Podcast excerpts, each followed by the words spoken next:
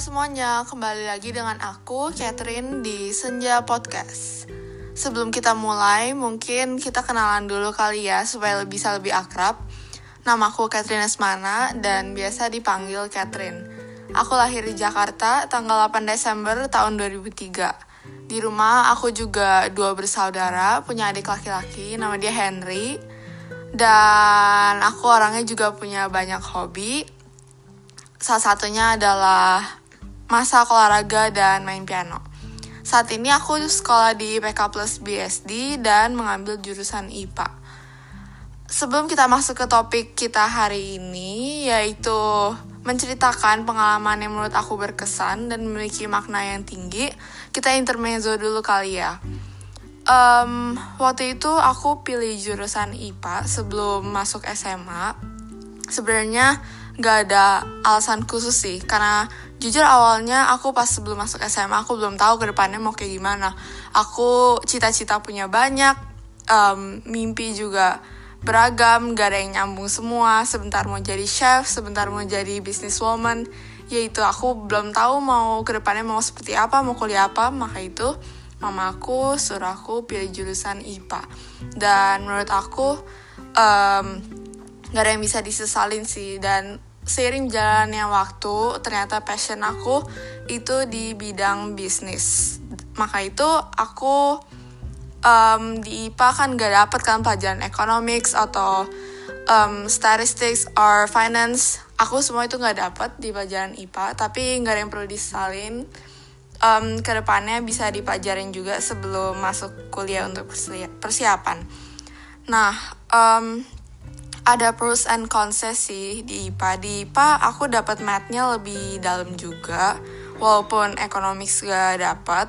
Dan aku yakin itu nanti bisa ngebantu banget sih ya di saat nanti kuliah nanti. Maka itu kalian kalau misalnya sebelum milih jurusan, pastikan untuk pikirkan matang-matang dulu kalian itu ke depannya mau apa. Tapi kalau yang udah terlanjur, ya tidak ada yang perlu disesali. Kalau misalnya kalian masuk IPS ya jalanin dengan teman-teman sociable kalian yang suka ngobrol kalau kalian um, IPA kalian sering belajar ya nggak apa-apa jalanin juga supaya pemikiran kalian bisa nantinya um, lebih matang dalam mengikuti pelajarannya di university. So kita masuk ke ceritanya.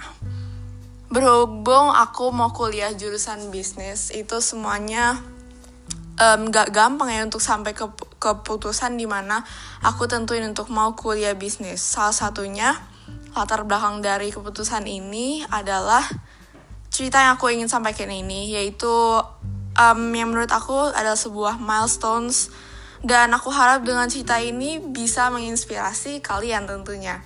Jadi semua ini berawal pada bulan Maret tahun 2020 Di mana saat itu aku adalah seorang siswi kelas 1 SMA jadi waktu itu cara didik orang tua aku adalah bukan yang kasih uang jajan secara rutin. Misalnya um, seminggu dikasih 100 ribu, 200 ribu.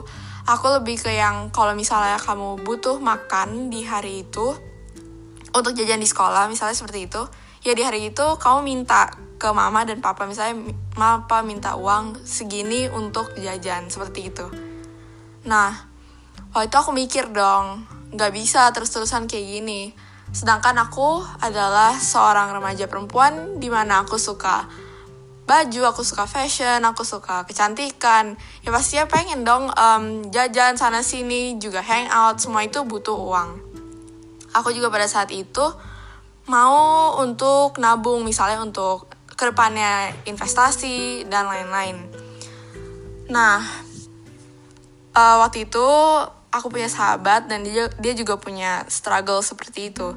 Sebenarnya ini cuma dari pemikiran sesimpel ini, tapi Tuhan yang tuntun jalannya, Tuhan yang berkatin aku terus untuk bisa sampai ke titik di mana aku punya sebuah small business. Singkat cerita, aku dan sahabat aku itu bangun small business, tapi pisah ya, maksudnya um, kita memiliki ide masing-masing dan uh, shopnya juga beda tapi kita sama-sama struggle dan tukar pikiran berhubung dengan kita adalah sahabatan dan juga tinggalnya juga deketan maksudnya satu komplek. Jadi gampang lah ya untuk ngobrol-ngobrol ketemuan dan sebagainya. Nah saat itu aku bikin thrift shop. Jadi thrift shop itu adalah um, online shop di mana uh, aku menjual baju bekas Nah, pada waktu itu juga aku di rumah ada beberapa baju yang kecilan, yang udah nggak mau. Nah, makanya itu aku start thrift shop ini. Nama thrift shopnya adalah Thrift the Goods. Nah, pada saat itu sebenarnya kalau thrift shop itu konsepnya adalah orang-orang itu ambil baju di gudang.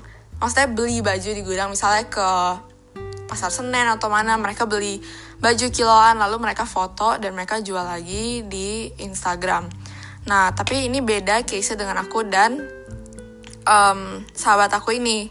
Karena kita juga masih sekolah, kita uh, punya kesibukan yang berbeda, yang bisa dibilang kalau misalnya kegiatan kita padat juga. Nah, kita itu jualinnya adalah barang yang ada di rumah kita, baju-baju yang udah nggak mau kita pakai, yang tadi kayak aku bilang kalau yang kecilan itu semua dijual di Instagram. Nah, aku um, start bisnis itu sampai di mana aku sampai di titik barangnya itu hampir mau habis. Jadi udah nggak ada baju yang yang nggak mau dipakai lagi, nggak ada baju yang kecilan lagi. Nah, bersamaan dengan barang yang hampir mau habis itu, yang artinya kalau misalnya barangnya habis aku nggak bisa lanjutin online shop aku itu terjadi uh, sebuah insiden yang sangat menyedihkan. Jadi aku punya seorang tante yang aku sayang banget. Dia meninggal sakit kanker payudara stadium 4. Orangnya juga deket banget sama Tuhan tante aku ini dan singkat cerita dia ketahuan kanker tiba-tiba ada stadium 4 tapi masih bisa survive selama 3 tahun dan akhirnya meninggal. Um, tantaku ini inspire banyak orang juga.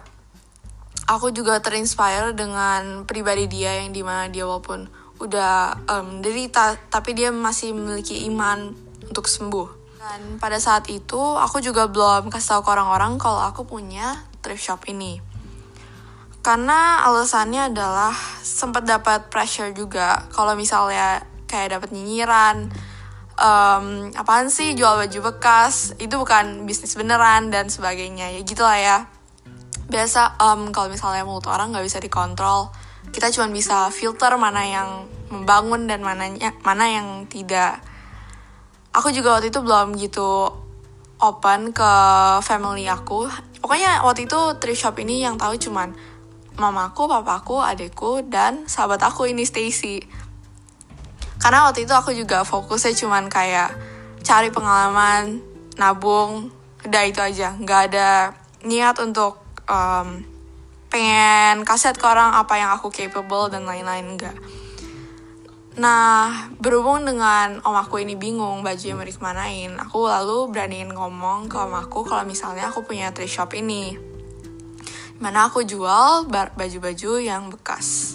Nah, setelah om aku tahu info ini, dia langsung serahin baju-bajunya ke aku dan beberapa ada yang aku donate juga ke tempat fundraising namanya Salvation Army yang mereka di situ juga um, galang dana melalui baju baju bekas ini. Di sini aku juga bukan semata hanya nerima bajunya lalu udah aku jual tapi aku di saat itu berkomitmen dan minta dukungan doa untuk dengan bajunya tante aku ini yang udah meninggal bisa bantu lebih banyak orang lagi yang membutuhkan dan juga menginspirasi. Nah, maka itu aku lanjut berjualan dengan bajunya tante-tante aku ini.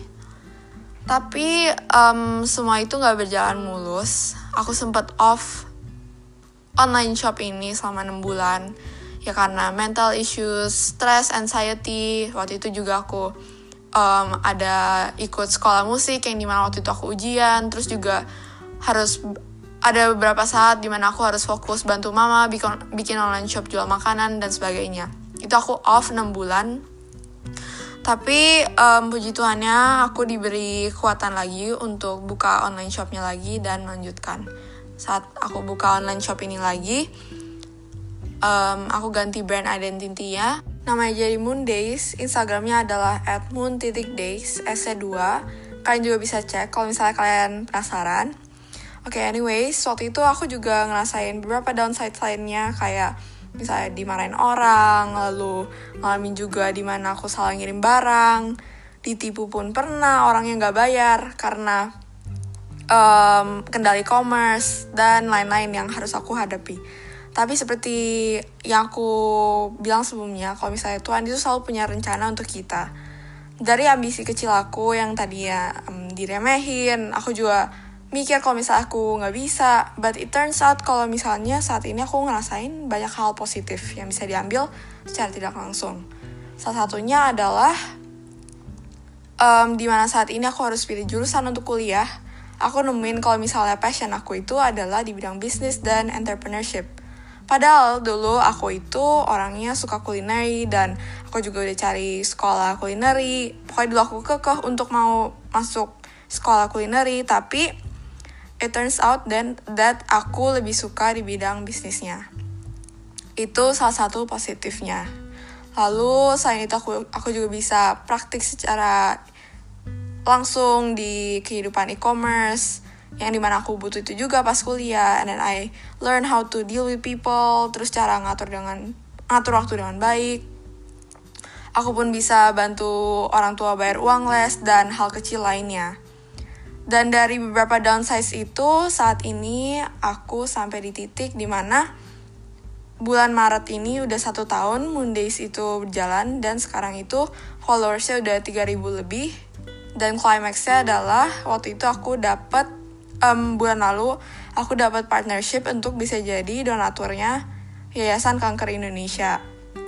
Dan waktu itu kekumpul sebuah nominal yang bisa dibilang kalau misalnya dibandingkan dengan um, organisasi lainnya nominalnya masih sangat kecil, tapi aku yakin kalau misalnya ini adalah salah satu plan Tuhan yang Tuhan mau genapi dari komitmen yang aku udah buat kalau misalnya dari bajunya tantaku itu yang meninggal, bisa bantu lebih banyak orang lain.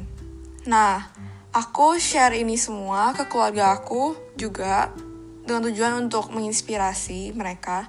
Dan saat ini mereka yang tadinya pikir apaan sih jual baju bekas, thrift shop dan lain-lain.